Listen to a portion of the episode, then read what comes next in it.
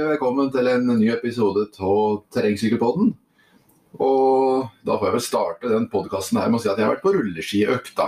Så det var liksom ikke helt innafor når det gjelder en podkast for terrengsykling. Hva tenker du, Eivind? Jo, passer ikke det fint på denne tida av året, da? Trene litt alternative treningsmetoder. Ja. For å få litt avveksling.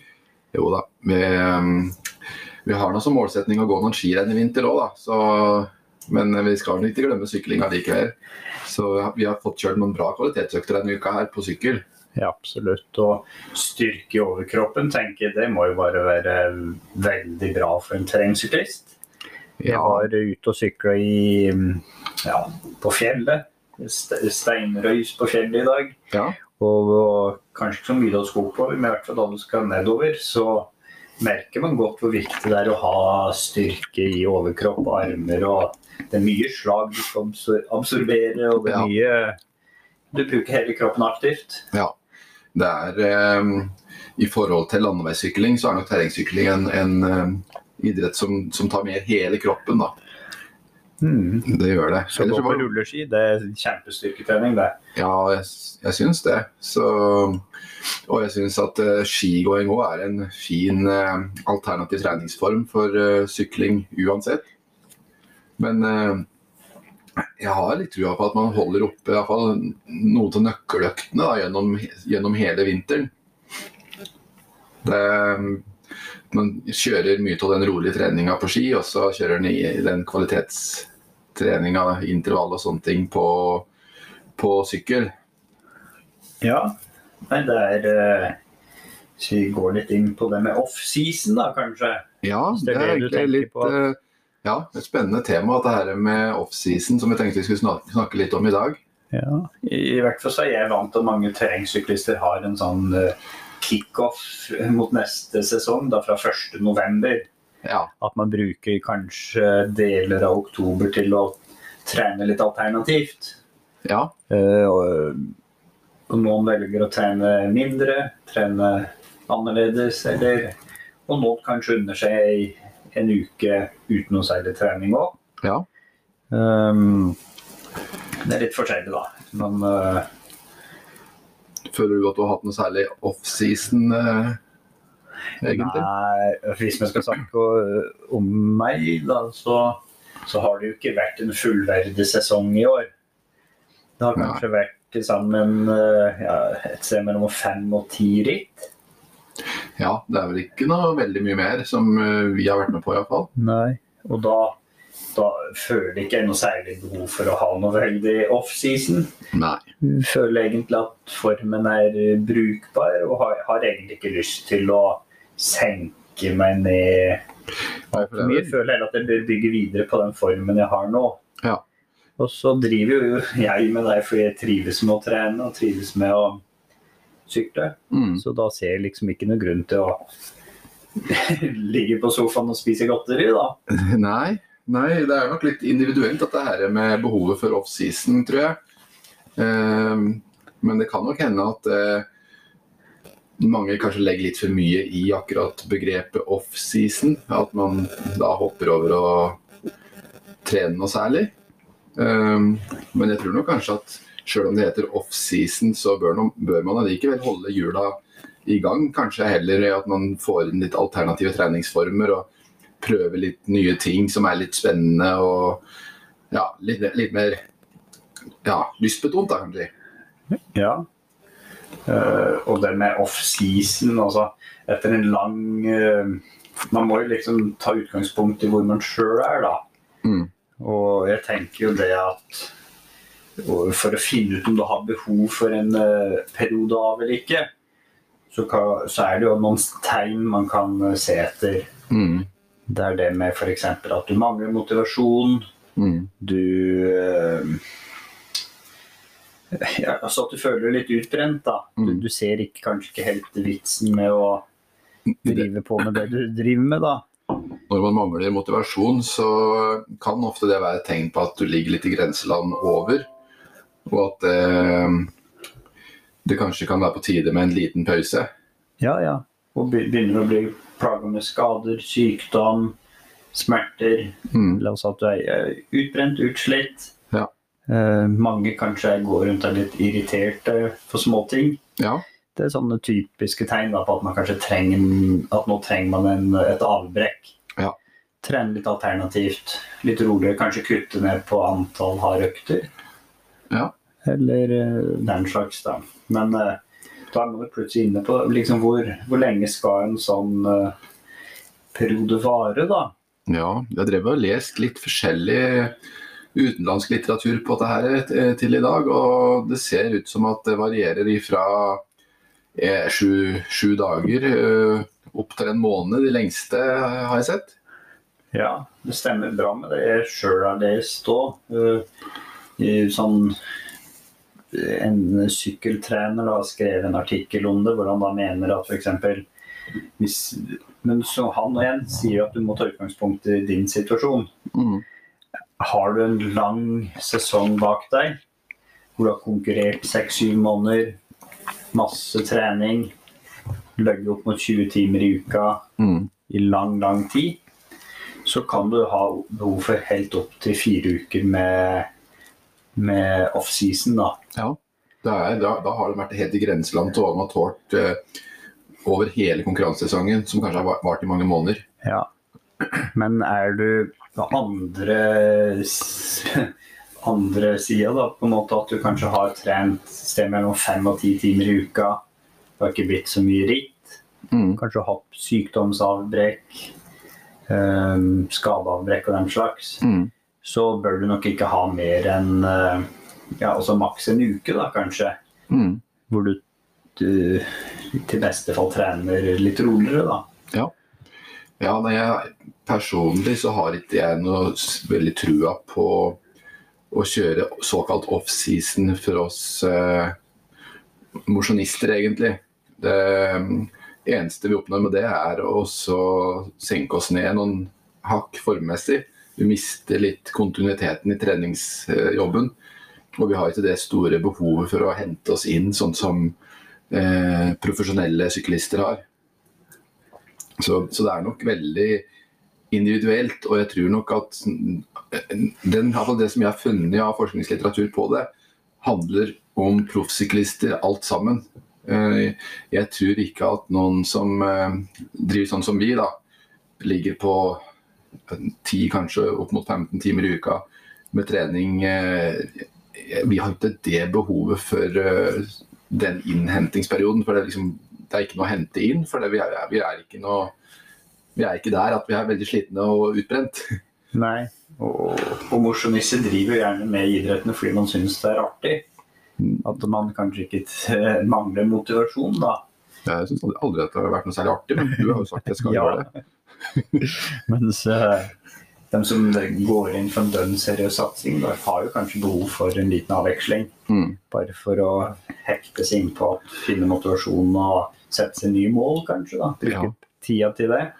Ja, det er dette her med dem som satser sånn på superhøyt nivå. Eh, da blir på en måte ikke treninga like lystbetont, sånn som det er for oss som trener når vi har lyst, egentlig. Ja. Vi, vi følger jo et treningsprogram og tvinger oss ut av og til, sjøl om vi ikke har lyst. Men stort sett så er er jo treninga vår Vi driver jo med det her fordi det er gøy. Og eh, for min egen del så vet jeg at jeg hadde kommet til å miste form hvis jeg hadde hatt Ja, det hadde jo vært en uke En uke avbrekk f.eks. hadde vært det samme som om jeg hadde vært syk en uke. da. Så det, er- jeg har ikke noe helt den store trua på, på akkurat off-season for sånn som oss. Men alt er som sagt individuelt. Det kunne egentlig vært veldig moro også å ha fått eh, hørt litt erfaringer fra dere som hører på, på oss. Og så høre hva dere syns eh, om, om at det er med off-season, og om dere har prøvd, om dere har noen god erfaring med det. Ja, så kan det være interessant å se på dem som rett og slett ikke har noe off-season lenger. Dem som går rett ifra en eh, ja, terrengmaraton, rundbanesesong, Mm. rett over i CX-sesong. Ja, ikke sant? Og jeg skal vedde på at de folka som nå driver og konkurrerer CX i over seks ukers tid, Mm. Eh, den går nok rett over i en Swift-sesong. Ja, de gjør det antageligvis, ja. Ja, og da, da har du snart uh, at du er i konkurransemodus hele året. Mm. Det er kanskje noen få måneder da Jeg vet ikke hvor lenge det Swift-greiene varer, da. Nei. Men uh, i hvert fall, det er jo på en måte greit, da, men jeg tror man kanskje skal være litt Hvis man driver på sånn nå, da, være litt bevisst hva som er hovedmålet, da. Mm. Eh, Det er ikke sikkert de har noe hovedmål, bare syns det er gøy å drive på. Ja. Men jeg har jo sett mye av de store navnene da, konkurrerer i, i, i alt hele året. Ja. Og faren kanskje hvis Sånn som jeg har tenkt i forhold til Swift, da. For, for det, er jo- det er jo ikke tvil om at du blir i god form av å drive mye på Swift. Mange kjører opp til to konkurranser i uka der Mm. i mange, mange måneder. Mm. Og man får jo sikkert økt hatten sin, men det, man skal kanskje være litt obs på det at å sykle konkurranser, det det, det er jo ikke eh, trening med som man kan kalle strukturert. da. Når du sykler en konkurranse, så, så må du bare følge strømmen, på en måte. Ja, man må det. Det blir jo ikke intervall sånn sett, og det blir jo ikke det er Kanskje du kan velge litt på varighet på rittet og så lengden på dem og sånn, da, men det, det, sånn som jeg tror, da, så blir det vel full spiker, og du Ja. tråkker så lenge det varer, da. Så gjør du det to ganger i uka. Ja. Nei, det blir liksom litt vanskelig å bygge opp den gode basen med, med grunnform da, når en skal konkurrere hele tida gjennom hele året. Men for noen så funker det bra òg. Og kanskje det er det som, som skal, skal til for å bli bedre. Jeg vet ikke. Ja. For min egen del så føler jeg kanskje at offseason er mer sånn off, altså Da er det ingen Det er utenfor konkurransesesong. Da er det masse, masse trening. Det er det jeg tenker på som offseason egentlig. Ja. Men det er ikke det det stemmer. Det stemmer ikke helt med det som står i bøken, da. Nei. Da er det jo en, en sånn såkalt uh, hvileperiode. Og jeg ser jo det at eh, eh, innenfor langrenn, eh, der har vi eh, veldig mange som bare dropper å kjøre off-season i det hele tatt. og går rett på etter siste renn og går rett på med forberedelser til neste sesong. Ja da. Vi har jo blant annet, Du kjenner til Petter Eliassen, har jo vært kjent for å være en av dem som drar, eh, drar skisesongen så langt som det går, før han Mm. la opp. da. Ja, ja. Rett og slett gikk skirenn så lenge det gikk, og drev og gikk på Skaran langt utover våren. Mm. Og så rett over på rulleski og ja. Han, eh, ja, han eh, ville på en måte holde seg i gang på ski så, så lenge han klarte, sånn at det ikke ble så langt opphold fram til neste skisesong, liksom. Ja. Så han hadde liksom allerede i, det, liksom, i slutten på inneværende sesong, så hadde han neste sesong i, i huet i forhold til forberedelser. ja.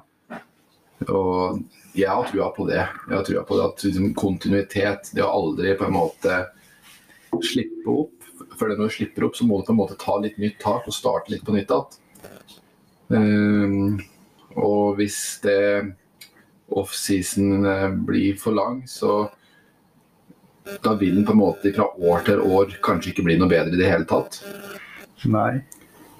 Og hvis vi først skal se på noen som holder det gående hele året, da, så er det litt artig å se på Det har jo vært uh, Norgescup uh, cyclocrossen helga her òg. Ja. Norgescup uh, ritt tre og fire. Og da ser vi et kjent navn som ble nummer tre av masterklassen, da. Er det Jan Christian du tenker på, eller? Nei. Nei? Eh, En som driver hakket um, ja, Han er vel nesten mer ivrig da, og litt høyere opp på resultatlistene. Jeg tenker på han Jan Olav Beitmyren. Oh, ja. Han som er eh, 57 år. Ja. Du ser han i toppen på skirenn om vinteren. Så ser du han i toppen på terrengritt Mm. på Birken og den slags på sommeren. ja. Og nå er han i toppen på CX-ritt Ja. i masterklassen da, på, på høsten. ja. Og der er det ikke mye off-season, tror jeg. Der er det ikke mye offseason. Han, eh, han holder det gående.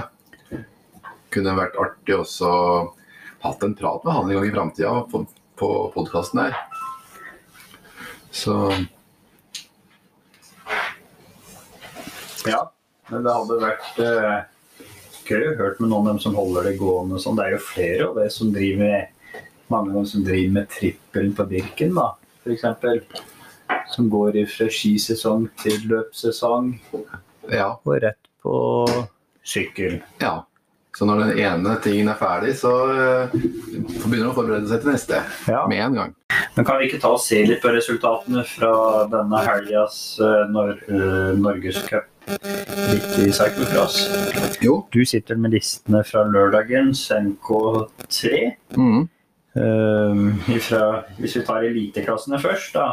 Ja. Hvem, uh, hvem er det som vant der, da? Nei, De har sykla åtte runder. De da har eh, en, eh, en eh, konkurransetid på rett under timen. Eh, Knut Røme vant eh, på 58,04. Og så har vi en eh, Mats Tubås Glende. Eh, han var ett sekund bak. Og så har vi en Sondre Rokke, og da var det litt lenger bak. 1,08. Men eh, det, det er jo utrolig tett allikevel, da, egentlig. Så, så dette er iallfall den på på um, menn elite. Men han som deltok for Norge i OL, uh, sykla vel også i går, gjorde han ikke det? Hvordan gjorde han det? Skal vi se. Erik Hegstad. Ja, eh, han ble nummer fem. Ja. Var han langt bak? Ja, Ja. 2,41 bak. ja. Det var mye kanskje han har hatt noe Kan hende han har uhell, hatt litt off-season. Ja. Tar det som en uh, sone tre-økt. Ja, han vet jo ikke. Det kan godt hende at han har tatt det som en uh, sone 3-økt. Det er jo ikke bestandig alle går all in på hver konkurranse heller. Nei. Så Men det er artig, det er artig med at de to gutta på 23 år da, eh, knives og ja, om seieren da, med ett sekund mellom dem. det er veldig moro at de eh, matcher hverandre så bra. Ja. Det blir jo I kvinneklassen, da. Skal vi se. Uh, uh, uh. Ja, skal vi se om vi finner den, da. Kvinner. Der var det hun Åshild Tovsrud som vant. Um, og så nummer to ble da Thea Sigrud. Um, 51 sekunder bak. Og så Tora Bjørndal Ottestad 1,14 bak. Så det er eh, ganske tett i kvinneklassa òg. Ja. Det var eh, eh, ni fullførende som eh, var med der. ja. Litt kortere løpstid enn på gutta, rundt 35 minutter. ja. I juniorklassene, da. Hvem er det som eh, vant der? Eh, der var på, på junior menn så er det han eh, Sebastian Meslum. Ja, fra Asker. Han sykler på Asker, ja. Ja. Og så har vi en Kasper Rønning eh, fra Horten omegn sykkelklubb. Fem sekunder bak, så der var det tett. Og Kevin André Sandli Messel fra Ringerike sykkelklubb, eh, 28 sekunder bak. Så det var ikke langt bak det heller. Og her var det tolv fullførende, da. På um, På gutta. Ja. Blant kvinner juniorer. Skal vi se. Det var da Hedda Steine Gullholm som vant. Og så nummer to ble det Madeline Isabel eh, Bakkeli Guts eh, på 307 bak. Så det var to som var med i den klassa der, da. Så der har vi for, er fortsatt en jobb med, å gjøre med å få mer rekruttering blant uh, kvinnelige syklister. da. Ja. Men kan ikke du ta opp masterklasser fra lørdag, så kan jeg ta litt om uh, eliteklassene fra søndag. Ja, Og da ser vi jo at uh, det ble nesten likt som dagen før. Han Knut Røme vant over Mats Fugås Brende. Og så William Handley da fra Tangen Watt og Oksygen sykkelklubb på tredje. ja. Um, da stilte ikke han ehm, Erik Hegstad på søndag, nei. Så, Nei. og i kvinneklassen var det Åshild Tomsrud foran Tore Bjørndal Ottestad og Siri Hildon. Mm. Det var bare fire da som fullførte kvinneseniorelite. Og juniorelite, Hedda Steine Gullholm vant på søndag nå Ja. foran Madeleine Isabel Bakkeli Guts. Og Mhm. menn junior, der vant Martin E. Farstadvold over Fredrik Fjærli og Kevin André Sandli Messel. Mm. Ser er det veldig mye syklister fra Asker CK. Må ha et skikkelig bra miljø for uh, cyclocross der. Ja. Én, to, tre, fire, fem, seks som er på lista, da. Fem fullførende av de 13 er fra Asker CK. ja. Nei, det ser ut som det er ganske bra eh, cyclocross-miljø i Asker. Det er jo faktisk eh, Jeg sitter og ser på masterlista her fra lørdagen, og det er, eh, det er en del eh, Asker-ryttere her. Blant annet han som vant masterklassa. da. Han Truls eh, Veslum han sykler jo fra As Asker er sykkelklubb. Ja, han vant på søndag nå, så jeg vil tippe at han antageligvis er i slekt med med han eh, Sebastian Weslum, som ble nummer fire på søndag Ja, for jun i junior eliteklassa. ja. Antageligvis. Jeg ser på Det er ganske høy eh, snittalder på de som, som gjør det veldig bra her, eh, ser jeg. Han som blir nummer to, han heter Thomas eh, Fergestad. 45 sekunder bak eh, vinneren. Han sykler for IF Frøy i klasse 50 54 år. Og nummer tre, han er jo som vi, han vi snakka om eh, tidligere, eh, Jan Olav Beitmyren. Ja, han ble nummer tre lørdag nå. Han ble nummer tre, ja, bare 53 sekunder bak. Ja. Og han er jo i 55 til 59-årsklassa. Så han ble nummer tre begge dagene. Og Mm. Truls Weslum da vant begge dagene. Hvem var det som ble nummer to, sa du? Det var han Fergestad, det. Ja. Det var han Thomas Libe som ble nummer to søndag. Og han Fergestad ble nummer seks. Stemmer. Nei, det er uh... Og vår gode venn Jan Christian Haugnes, da. Han må vi bla oss helt ned på 19.-plass før vi finner. Ja. Så da har han vel hatt en litt tung dag, kanskje, på det sykkelsetet. ja. Jeg sitter og leter på den eh, lørdagslista Han, her. han deltok ikke lørdag. Nei, OK. Han eh, prøvde å toppe formen til søndag. Ja. Ellers har han vel arbeidshelg, da. Ja, ja, ja. Nei, men det står respekt til resultatet av Stian Christian eh, gjennom sesongen. Det, han er en harding. Han er en harding, ja. Ja. Det blir spennende å se hvordan han gjør det på Vasaloppet til vinteren. ja. Han har jo sammen med Tore Stengrunne, en annen trysling, da, blitt trukket ut til å delta på sånn spesialutgave av Vasaloppet, hvor han må stille i jeg tror det er ski og utstyr fra førsteåret første året Vasaloppet ble avholdt. ja det, er, det begynner å bli noen år siden. Ja. Vet du årstallet? Nei, jeg vil tippe 1922 eller noe sånt. Kan Rundt der, ja. Ja, For det er vel eh, Er det sånn 100-årsjubileum det er her? 100-årsjubileum, ja. Ja. Så Eller om det er 100 ganger 100 ganger at det er blitt arrangert, eller noe sånt. Ja. Nei, det er litt artig. Vi har jo faktisk også fantasert litt i forhold til dette her Trysil-Knut-rennet, og så har vi en versjon på treski og, sånne her opp, oppgåtte løyper, Ja, ja, ja. bare for moro.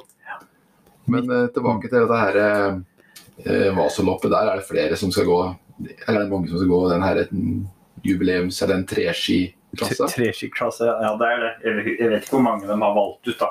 Det var vel at man måtte søke, og så ble man trukket ut. Ja. Men uh, første starten da var i 1922. Ja. Det var første utgaven av uh, Vaseloppet, da. ja. Men det, det, det Selve Vaseloppet er jo egentlig bygger jo på noe som egentlig skjedde 400 år tidligere, da. Der uh, Gustav Vasa måtte flykte fra den danske kongens soldater, og da liksom gikk strekningen, da. Ja. Så det, det historiske rennet der Ja, det er jo det. Og eh, det er et renn som eh, som jeg har pratet på før, jeg tror syklister egentlig kan gjøre det ganske bra på, sjøl om det er mye staking. Litt på grunn av den her, at det er såpass langt, og den trenger litt rutiner i forhold til ernæring og den biten der. Ja. Så jeg blir spent. Det står at du må ha At det går lørdag 12. februar 2022, da er det jubileumsvasaen. Og da skal du gå i klassisk teknikk anno 1922. Ja. Så da får vi høre med Jan Christian etter hvert da, hvordan det var man gikk på ski i 1922. ja. Det kan bli spennende. Ja, får vi se noe film av det, da. De lager garantert en film fra der. Antall deltakere 139. Og det er da like mange som anmeldte det første Vasaloppet i 1922. Så du må gå med den teknikken de gikk da òg, ja. Den Ja, gamle, klassiske teknikken. må det. Når jeg ser på bildene, du får i hvert fall lov til å bruke to staver, da. Men eh, det ser ikke ut som det er veldig god greed i skia. Så Nei. det blir spennende med føre og den slags. Da blir det bløtt, så vet du jo at treski det trekker til seg fuktighet. Ja. Og da Det kan bli blir en lang dag på tida. Ja. Men er det noen som klarer det, så er det jo Jan Christian, da. Ja, ja. Og Tore Stengrun og Ja. Så Men er det, hvis det er blitt tørt og fint føre, eh, så er det utrolig hva treski går. ja da. Så vi får bare håpe at, at øh, værgudene står dem bi. Absolutt. Det er eh, mye som tyder på det. Det er ofte fint vær da, i midten av februar der. Ofte det beste tida for skirenn, Ja, sånn historisk sett. da. det er det. Men var det ikke vanlig å gå med én stav på den tida der? Ja, Jeg altså... mener du husker det? Eller, det I Nor du må nok antakeligvis litt lenger før, men i nordmenn gikk jo med én stav mye lenger enn finnene og svenskene gjorde. mm, For vi, vi, vi er jo gjerne litt sånn, vi nordmenn, da, at vi, det tar litt lengre tid med oss før vi adopterer det nye. Ja. Så selv om vi gjerne liker å tro at vi er først ut på mye, så stemmer nok ikke alltid det. Nei, vi er litt trauste på de greiene der. Og det hjalp vel også det med, med fristil i langrenn òg. Nordmenn var vel ikke dem som var mest ivrig der heller. Nei. Så det, Det var vel sånn, det var ikke han Gunde Svan som hadde prøvd å lure konkurrenter å stille opp jeg driver på oppvarminga med én stav av, jo da. så for å gjøre noen andre usikre på Ja, hva han egentlig drev med. Jeg ser også at en Lars Berger på 42 år skal gå det Vasaloppet der. Men jeg vet ikke om det er den Lars Berger, Nei. tidligere skiskytteren. Nei. Om han er mer enn 42 år, eller Ja, det er vel rundt der han er. Ja, kanskje det er han. Ja. Det blir artig å følge med. Ja.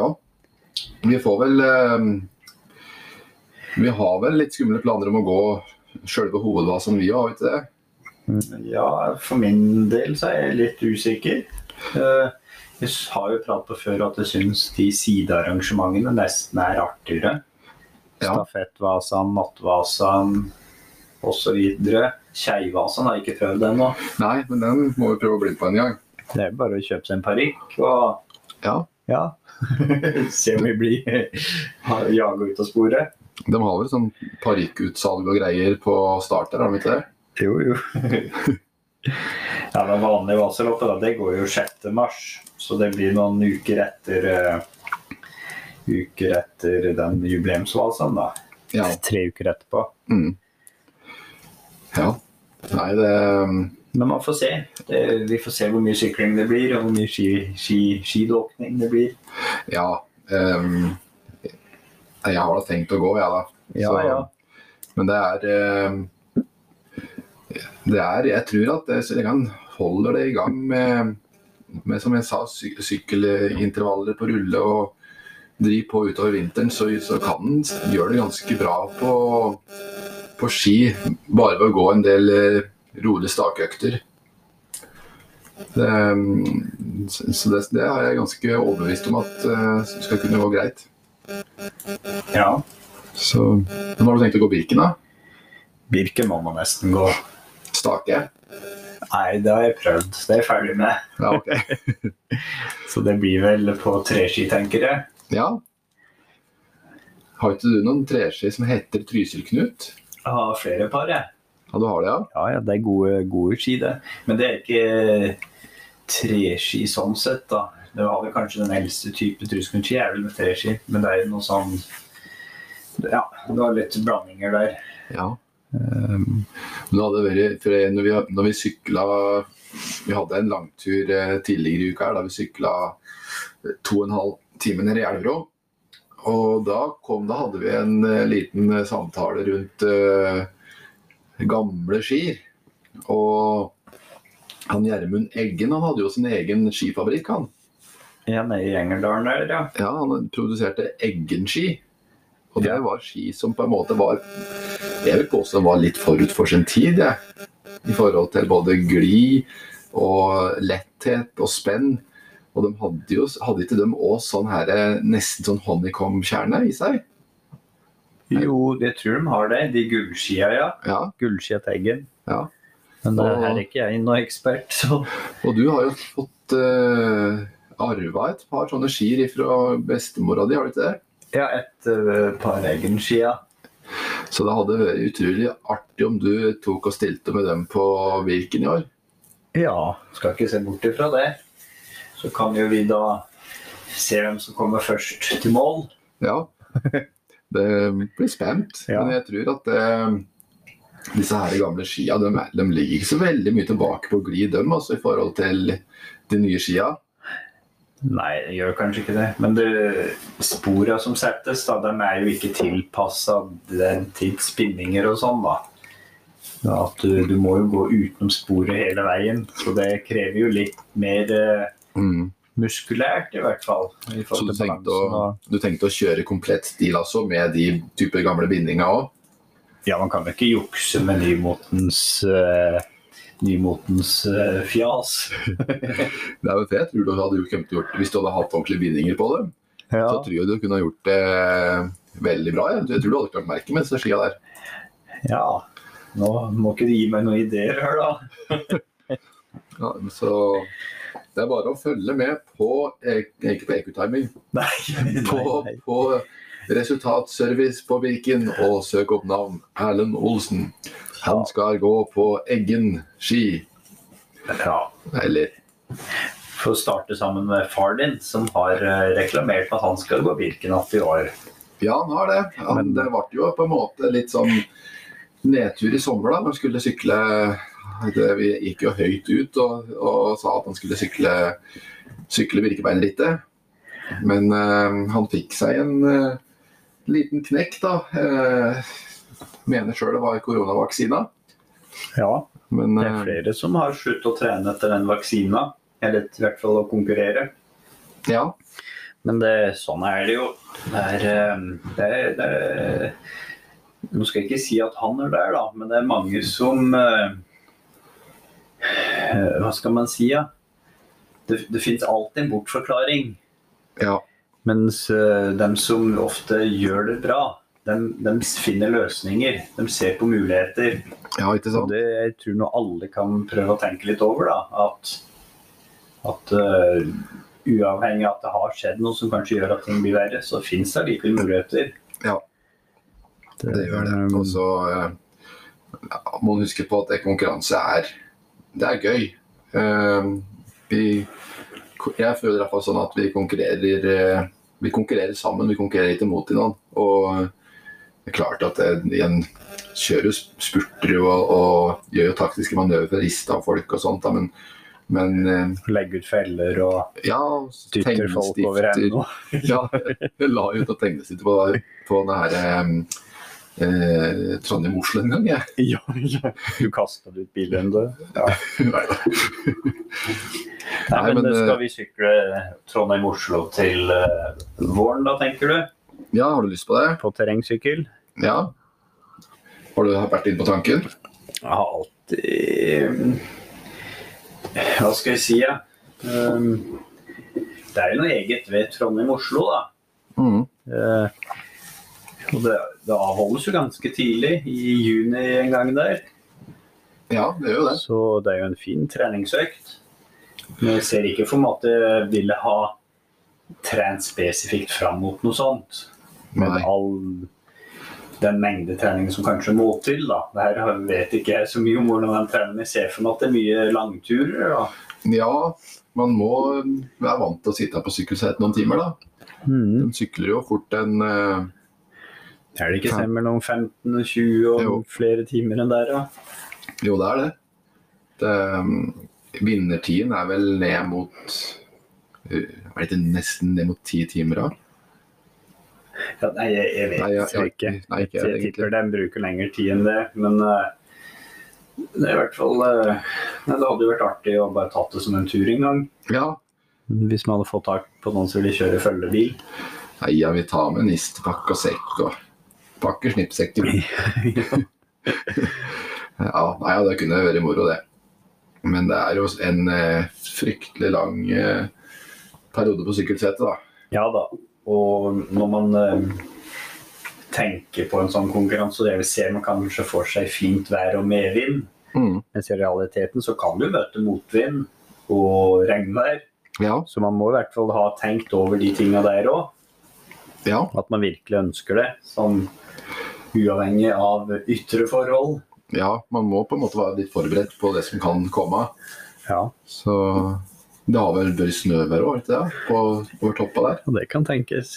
Så ja. Nei, men jeg tror at skal en sykle der, så må en sykle i hvert fall Hvis en skal være på et brukerparti, da, så må en helst sykle på et større lag, vil jeg tro. Ja, man må nok være en del av de større teama for å få en god tid. For det, er- ellers er det vanskelig, og du sykler ikke der alene og får en bra tid, tror jeg. Nei, men eh, det er jo veldig imponerende dem som gjør det òg, da. Dem som kanskje tar det som en tur med noen slektninger eller noen treningskompiser og bare for å gjennomføre. Ja. Ja, nei, kanskje vi skulle gjort det. Kunne ha vært moro. Men eh, nå eh, liksom utover eh, vinteren, nå går vi jo inn i en periode med da det kommer snø. Og det blir mørkt. Det begynner allerede å bli ganske mørkt ute òg. Har du tenkt noe over om vi kanskje skulle tatt en tur til sydligere strøk? Ja, men det blir vel ikke noe av det.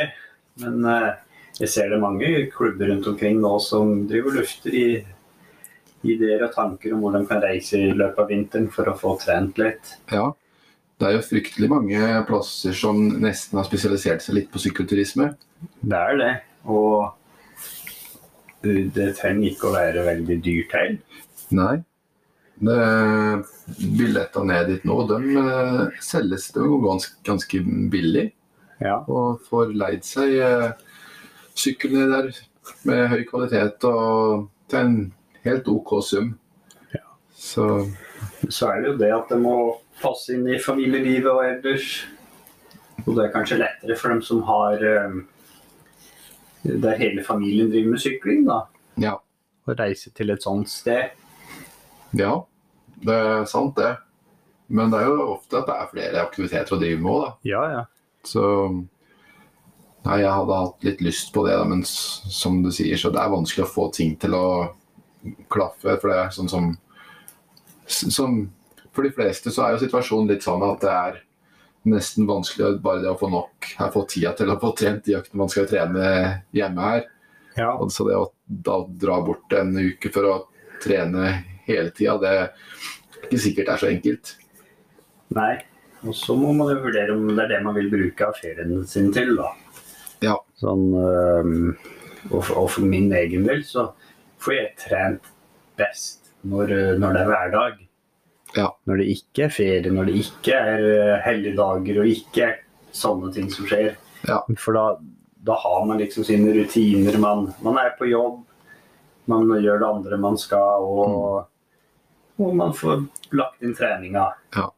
alt går liksom litt mer på autopilot, nesten. Du, legger, Ja. du planlegger og strukturerer hverdagen og, og eh, får til den treninga man har planlagt, da, som man pleier å kjøre. Og, så, så det er nok noe i det, altså, at du får nok trent minst like bra hjemme, kanskje. Ja, mens da man har ferie, sånn, så kanskje er det andre ting man har lyst til å gjøre òg. Mm. Ting, eh, ting man har lyst til å oppleve, steder man har lyst til å se. Dager går bort i forhold til reising Ja. og andre ting. Og da, da er det verre. ja, ikke sant? Hvis en skal på en tur, så er det ofte sånn at man en, den ene dagen dit og den andre dagen tilbake går jo bort på en måte litt i reising. Ja. Og da får en jo ikke trent noe særlig, kanskje. Nei. Og så er det jo den perioden man er der, da. Da må man jo forte seg å trene så mye man klarer. Så det kan jo være liksom litt stressmoment på det òg. Ja da. Det er eh, Og tenk på den som sykler Tour de France, store etapperitt. jeg må jo sjøl si at jeg var veldig glad når Transøsterdalen eh, gjorde om ifra det at du faktisk sykler gjennom Østerdalen, Ja. til at du har start og mål ved Tynset alle tre dagene. Mm. Det gjorde det veldig mye enklere logistisk sett, da. Ja, for du var, med, du var med tidligere når det var i sånn gjennom hele Østerdalen? Ja, men det, nå snakker vi 1800-tallet, da. Ja. Nei, da. Nei, ja, men det, ja, før da, og da var det, det var mye styr i forhold til man må, var avhengig av hjelp. ja. Til noen til å kjøre bil og slippe deg av i start og hente deg ved mål. Og alt dette som skal pakkes og ordnes. Og du, du, er, du forflytter deg hele tida. Ja. Mens nå så kan du bo og være på Tynset eller i området hele tida. ja. Sånn som nå. Det syns jeg er helt genialt sånn som det er. Jeg har jeg, har ikke vært med tidligere og opplevd det som det var da, men, men jeg syns Transøsterdalen framstår som et ordentlig bra og artig arrangement. Det, ja, det er nok et av de aller beste. Ja. Nei, For meg så blir det nesten litt sånn høydepunkt i løpet av året, faktisk. Ja. Og så er det da, det så, Jeg syns det er litt artig med det sosiale rundt òg, ja, da, med at vi er på den hytta der og, og uh, prater litt tull imellom og legger litt planer og styrer på. Og så er vi på en måte mer sammen om det da, når, det, vi, er, når vi er på hytte sammen. Ja. Og så nå, Jeg vet ikke om du har fått med deg det, da, men nå har det også i Norge blitt tillatt med høydehus igjen. Ja, Så nå har jeg vurdert at vi skal legge inn sånn uh, høyd, at hytta skal bli til et høydehus. Ja, ja. ja. Så mens vi er rundt hans søsteren, så kan vi hente ut litt sånn uh, effekt fra det. Ja, det hørtes lurt ut. Ja, Så ja, men det gjør vi. da gjør vi det.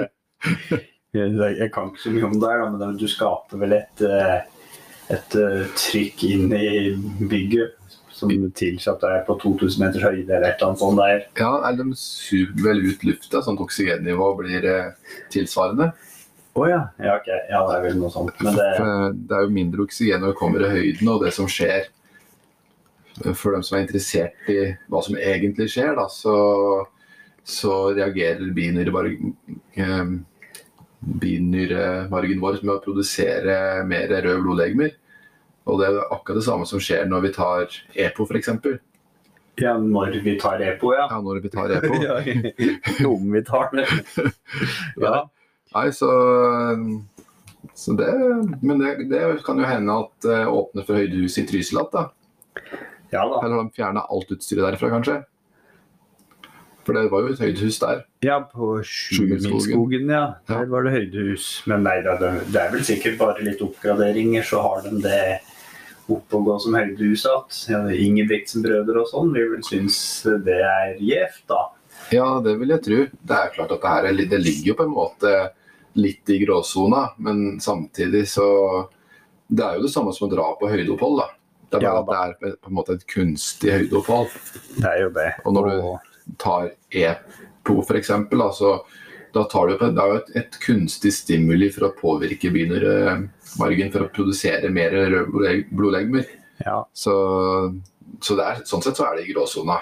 ja da. Og så vet jo da at det har vært tillatt med høydehus for, i utlandet hele tida. Det er bare Norge som har hatt sånn særforbud mot høydehus. Mm. Og høydehus vil aldri bli noe alternativt for mosjonister eller eh, halvproffe. Det vil jo være de desidert øverste, noen få som driver på elitenivå, som vil ha kunne ha interesse av å drive med noe sånt, tror jeg. Ja, og så Men han Gunnar Tronsmoen han drev da med, han hadde sånn høyderør i garasjen sin. Han. Ja, Så det går an. ja da, men han var jo en av de aller beste. Nei, Han var vel ikke mer enn sånn gjennomsnittlig interessert, han, var han det? Vanlig virkebeiner, han. Vanlig virkebeiner, ja. Ja. Ja, nei, det var eh, eh, Nei, i forhold til Vi kan jo ta litt Det hadde vært litt morsomt å ta et litt diskusjon rundt det på en episode i framtida òg. Det her med effekten av høydetrening for terrengsyklister. ja. Sjøl om det, som du sier, det er kanskje ikke noen noe, noe som blir aktuelt for mosjonister med det første. Nei da. Og det er ikke sikkert at mosjonister klarer å hente noe særlig ut av det heller. Nei, man skal vel vite hva man driver med, og så skal man jo vite at du har jo rapporteringsplikt hvis du oppholder deg i høydehus. Fordi opphold på høydehus påvirker jo som sagt blodverdiene dine, Mm. slik at uh, det kan være med på å skjule doping. Mm. Det Kan jo det. At det blir vanskeligere med for Antidoping Norge da, Finn? Ja, jeg tenkte kanskje vi skulle gå over fra å snakke om høydehus og over til eh, en sykkelidrett som heter eh, ramp Rampage. Eh, de svever jo høyt, de òg. Er, er det ikke Rampage det heter? Jo, Rampage er en konkurranse, ja. Ja, en konkurranse, ja. Downhill-konkurranse som har blitt arrangert i noen år. Ja, Som det er vel litt annerledes enn det du og jeg driver på med. Der vi sitter og gamper langs grusveiene. ja.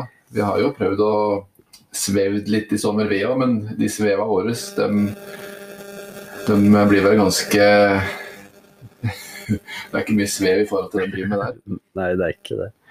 Så nei, det er jo artig at det er litt fokus på stisykling og Men øh, det har vel ikke bare blitt øh, positiv oppmerksomhet rundt Rampage nå i år, da. Med tanke på at det har vært en del stygge fall og folk som har skada seg der og sånn. Ja, det er, eh, det er jo en idrett som har eller En konkurranse som har eh, et ganske høy grad av risiko. Ja. De eh, setter jo egentlig livet på spill, da. Sånn som det ser, sånn som det ser ut når du ser, på TV, ser det på, på TV f.eks. Så mm, ser det jo helt drøyt ut. Ja, jeg må innrømme at jeg, jeg har ikke sett på The Rampage, fordi jeg syns rett og slett det ser litt for uh, galskap ut. Ja. Um, det er jo sånn at hvis du faller Et voksen menneske faller over uh, fem meter ned, Mm. så er jo sjansen ganske stor for at du pådrar deg indre skader. Ja. her er det jo re-rampage, og så er det jo fall på Jeg vet ikke hvor de meste er, da, men det er vel sikkert 14-16 meter eh, frie fall nedover. Ja. Ja. Og skulle de tryne da? Nei, det, det Det er for de spesielt trente, tenker jeg. Ja, du som jobber på akutten, eh, du vet vel litt om hvordan sånne, sånne traumeskader kan bli, da. Det er eh, det, det, du, det skal ikke så veldig mye til før du har en ganske alvorlig indre blødning, f.eks. Nei, så skal man først begynne med Og det gjelder jo ikke det Rampage, er- hvem som helst kommer jo ikke dit, da. Men det bygges jo ganske heftige uh, anlegg rundt omkring i Norge nå. Og bare at ungdommen er bevisst på det, da tenker jeg. Ja, At man tar det skritt for skritt og ikke prøver på noe man kanskje ikke helt uh, har evne til. da. At man er bevisst sitt uh, kompetansenivå. Det kan kanskje sammenlignes litt med skihopping. Dette her med Ja, den altså, typen at- sykling. Ja, at uh, du må liksom gå hoppe med størrelse på bakkene gradvis før du kaster ut for i Vikersund. Ja, så det er ikke sånn at uh, vi to skulle begynt å delta på det neste år. Nei, men må, om et par år, så. Ja, jeg skal starte i 70-årsklassa, tenker jeg. så det, ja. Fins det masterklasse der? Nei, det tviler jeg sterkt på. Vi får uh, høre. Ja. Nei, Nei, men det Sånn I forhold til hopping òg, så der har Norge har jo lang, lang tradisjon for skihopping. Ja. Og der har de på en måte på, på grunn av de skadene som har oppstått i, i hoppinga opp gjennom tida. For det, det er ikke å legge skjul på at eh, hopping i Norge Det har vært mange stygge skader der eh, eh, i gamle dager. Jeg vet jo om en, en bakke her i Søåsen som het for Enkjemakerbakken. Og da kan man eh, tenke seg liksom hva risikoen ved å hoppe i den bakken, da. Eh, men på bakgrunn av alle sånne ulykker så har, eh, har hoppsporten lagd veldig gode rutiner for uh, ulykker, da. Håndtering av ulykker og at man hele tida har voksne personer som uh, passer på i alle treninger og sånn. Ja da. Og du ser jo sjøl godt trente folk, hvis du tenker tilbake nå i vinter i Planica, Planica, Mm. hvor han Daniel André Tando falt stygt og ble lagt i kunstig koma. Mm. Så mulighetene for uhell er alltid til stede. Og det er jo, det er jo verre å tryne på en sykkel i en steinrøys enn det er uh, i en hoppbakke hvor det er snø og fritt fall nedover. da, At du kan gli litt på snø nedover. Ja, det er det. Så det som jeg håper, eh, nå som det bygges mange sånne her eh, anlegg, det er at man faktisk er bevisst på at man har voksne folk til stede når det er treninger der. Sånn at ikke unger skader seg ja, kanskje om, omkommer, da. I, rett og slett når de driver og leker seg der. Jeg syns det er eh, utrolig gøy at det bygges anlegg, og det er helt ekstremt bra for sykkelsporten. Men samtidig så må vi òg være bevisst på at eh, risikoen rundt det, og at, at man bør ha tenkt igjennom da, hva, hva om det og det skjer. Ja. Så kan det alltid være lurt å ha med seg en mobil på baklomma hvis man er en gjeng på to-tre stykker, at i hvert fall én har med seg telefon. Ja. Hvis uhellet først skulle være ute, og jeg tenker jo ikke bare eh, alvorlige skader, men også andre skader, at det er hjelp å få. Ja. Tenk en 14-åring da, som eh, begynner å teste ut det her og blir bedre og bedre. og Han er jo i sin motoriske gullalder og vil antageligvis ganske raskt komme til å bli god. Uh, han vil fort kanskje ønske å trene litt på egen hånd òg, og bare dra dit for å trene. Mm. Og akkurat da kan det bli skummelt, for hvis man da slår seg og ikke er i stand til å ringe, eh, så er det mye mye verre når man hadde hatt med seg en kompis som da kunne ha ringt eh, når en ulykke skjer. Så jeg vil påstå at skal, skal man drive med det, så bør man alltid være minst to personer. Ja, det er nok lurt det. I hvert fall når du skal eh, drive med ting du vanligvis ikke gjør. da. Og i baner hvor du ikke er godt kjent. Mm. Så, men så vil jeg òg eh, si at jeg er fryktelig imponert igjen da, av El- Elverum sykkelklubb og den satsinga de driver med der. Ser liksom hvor mange ungdommer som driver borti den sykkelløypa, og nå har de fått til en, eh, en downhill-løype. Som, Stemmer det? eh, Ja. med masse hopp og greier. ja. Og jeg er eh, Nei, jeg Hva er det hva er det de sier for noe? Bøyer seg i hatten? Uh, bøyer hatten i støvet, Bøyer hatten i støvet er det tror jeg. for Elverum sykkelklubb og den satsinga. For Ja. det er helt rått. Og jeg vil ikke bli overraska i det hele tatt om vi i framtida har eh, rundbanesyklister og kanskje også downhill-syklister eh, på høyt nasjonalt, kanskje internasjonalt nivå, som, som kanskje har startet karrieren sin i, Elverum sykkelklubb. Ja, du har mange ivrige der, og du har bl.a. Edvin Almås Edvardsen, som er en av de aller mest ivrige og beste fra, i den aldersgruppa. Ja. Og det er kjempegodt med å få et tilbud på hjemmebane. Mm. Og drive med det de syns er aller mest gøy, da. ja. Men de skal vel ikke gjøre noe mer nå i forhold til eh, utbyggingen der? Nei, du, det vet jeg ikke. Må høre med Bengt Arne en gang om de skal lage mer der. Men nå har de jo en rundbane som jeg vil påstå er eh, på helt, helt OK norgescup, kanskje NM-standard. Ja. Så Vi får håpe de søker som får arrangert flere ritt til neste år. ja, det tror jeg de skal gjøre. Ja. Eh, prate så vidt med Bengt Arne om det. Jeg tror de hadde planer om at de skulle få til noen eh, søke noen norgescup. Jeg tror kanskje de prater på NM òg. ja. Så det hadde jo vært kjempemoro. Nå er jo, vi kan jo bare si da at NM til neste år da, det er jo på Lillehammer i rundbane både for master og eliten. Ja. Så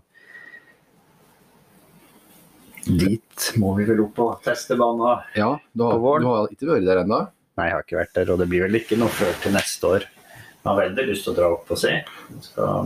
Er det oppe på rundt Birkebeinen skistadionområdet? nei, jeg vet ikke. Nei, Du vet ikke hvor det er? Nei, Nei. Jeg vet ikke hvor Lillehammer er heller. nei jeg har hørt at det er eh, litt nord for Brumunddal en plass. Ja. Så nei da, men det, det, dit må vi prøve. Har du hørt om den banen? Men er den vanskeligere? Nei, den eh, Det er foreløpig ingen som har overlevd å sykle hele banen. Nei. Nei, men eh, vi får prøve. E- Enkemakerbana. Ja, enkema, enkemakerrunden. Ja. Ja. Ja. Nei, men eh, Så vi skal prøve å stille der, tenkte du? Tenkte det. Ja. Eh, det kan jo bli spennende å se hvordan terrengsykkelpodden gjør det der. Ja. Om vi ikke gjør det så bra sånn resultatmessig, så får vi da kanskje tatt noen intervjuer iallfall. ja. Så får vi noen opplevelser. Det gjør vi. Det er mm, alltid moro å være på plasser der de beste deltar, og se hvor rått nivå de egentlig er på. Det er liksom først da man ser liksom hvor vanvittig, vanvittig høyt nivå det er. Ja. Vi, jo, vi hadde jo litt samme opplevelse nå når vi var på eh, NM i stafett på, på langrenn oppe i Meråker. Da var jo både du og jeg og eh, Martin Hammer med på laget oppi der. Og det er helt vanvittig eh, nivå på langrenn i Norge, når du liksom tenker på toppnivå.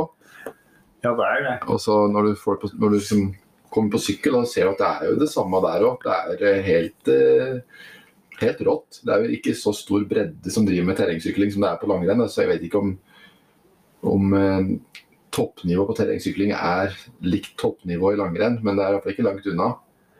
Nei. Det er vanskelig å sammenligne idretter sånn, og det er for, forskjellige forutsetninger. og eh, Før så har jeg tenkt at sykling ofte er en idrett for dem som har råd til utstyr og sånn, da. Men samtidig så har jo eh, prisnivå og utstyrskravene innenfor langrenn blitt så store òg. At eh, langrenn er heller ikke for hvem som helst lenger. Nei, nei, nei. Langrenn er en, blitt en veldig dyr idrett. Ja. Det er liksom ikke lenger sånn som da du og Gjermund Muråsen, Kåre Hatten og Sigurd Westad gikk på starten av 1900-tallet. Og sånn Per Bakken. Og Per Bakken, ja. Ja. Det, nei, det var tider. Da gikk vi jo faktisk eh, Da hadde vi treningsøkt ut til Tømmerskogen da, på to timer om tidlig om morgenen, før, lenge før uh, sola sto opp. Så var det å hogge og slite med svansen da, ute i skogen ti-tolv timer. Og så var det å gå hjem igjen et par timer. Da, da la vi ofte inn noen intervalldrag da, på turen hjem igjen for å få opp uh, oksygenopptaket litt. Ja, Nei, Så det var tider. det var det. Ja, ja, ja. Så um, Men det står eh, respekt av disse her gutta der som drev, drev på på den tida, og Ja, de var de beste i faget sitt i Norge på den tida. de var det. Ser for eksempel eh, Ja, det var jo mange som de hadde jo egentlig ikke råd til å delta på konkurranser, men så var det noen som var så gode at de at de fikk penger da, til å dra på konkurranser. og dette ble jo på en måte Det er skrevet en del bøker om enkelte personer som, som var i den situasjonen. og Familien var liksom ve veldig av, og hadde råd til at han skulle ta seg fri til å være med på NM i Holmenkollen f.eks. Ja. I stedet for å være på skogen og hogge tømmer. Og så ofte så var det mm, pengeinnsamlinger gjennom klubben, da. Ja. Fordi det var stor stas for klubbene klubben her i Trysil f.eks. om en av, en av skiløperne fra den grenen av klubben reiste inn til eh, Oslo Holmenkollen og Ja, ja. der. Så Det ble jo, ble jo stjerner i, i samfunnet. Så, så, så da, ting har forandra seg veldig. Og, men, men når det gjelder altså, toppnivå på, innenfor idrett, så, så var det nok ikke så langt unna i gamle dager heller. Når du ser oksygenopptak da, på sånn som Hallgeir Brenden, eh, jeg tror ikke det var så langt unna oksygenopptaket på dagens eh, toppidrettsutøvere heller. Nei, det, det var nok ikke det. Og når du ser tidene han har på 3000 meter hinder og sånn, som kan måle seg opp mot dagens tider, Ja, og det er tider satt på um, grusbaner med helt andre tidens sko, Ja. så skjønner du hva slags prestasjon hva slags eh, form disse gutta var i. Ja, og han drev jo med langrenn. Han var ikke noen Han drev jo ikke med, med friidrett, egentlig. Nei, det var mer en sånn uh, Side... sidegreie ja. om sommeren. Nei, så det var uh, Det, det var uh, tider, får en si. ja, du, du husker vel det Ja, godt, ja, ja. Jeg husker det. På den De tida der, var, på den tida der så var jeg og, og bestemor med småjenter, vi. Ja, Så det var liksom litt Det var lenge siden. det var det. Ja. Men du verden når tida går. så, men tida den driver og går litt ifra oss her òg, faktisk. Vi har da Mimra nok nå. mimra nok ved en liten periode. Så nå er vi Nå er det mandag natt når denne her utgis, som, som vanlig. Og eh, vi skal liksom ta fatt på en eh, ny treningsuke. Har du noe, er det noe spesielt du har tenkt å satse på denne uka her i forhold til trening? Nei, hva skal jeg si, ja. Skal du kjøre som, helt som vanlig? Det blir det. Man, man trenger jo Hva er man pleier å si om fotball, da? Det er ingen grunn til å forandre på et vinnende lag. Nei. Så Nei, det blir vel ikke noen store forandringer, tenker jeg. Jeg ser at snøen kommer denne uka. Ja, Det kommer snø på både tirsdag og på torsdag. flere dager med snø og minusgrader, og det, er, det gjelder å krumme nakken.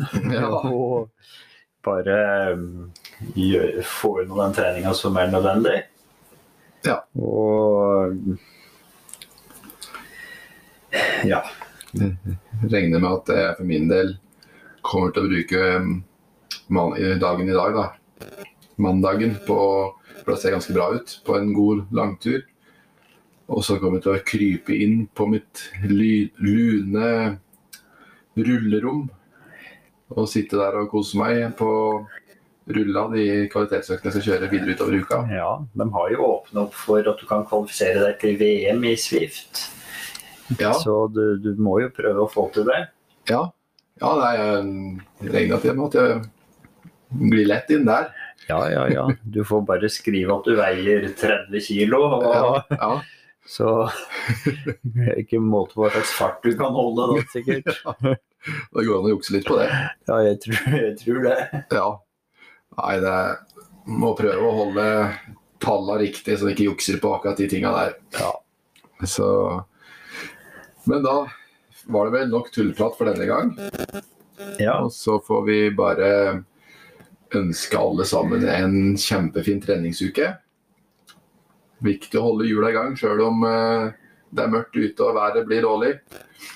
ja, det er mye artigere å sykle i starten av 2022 hvis man har fått gjort jobben nå i nå utover høsten og vinteren. Ja, og plutselig er vinteren over. ha det i bakhuet.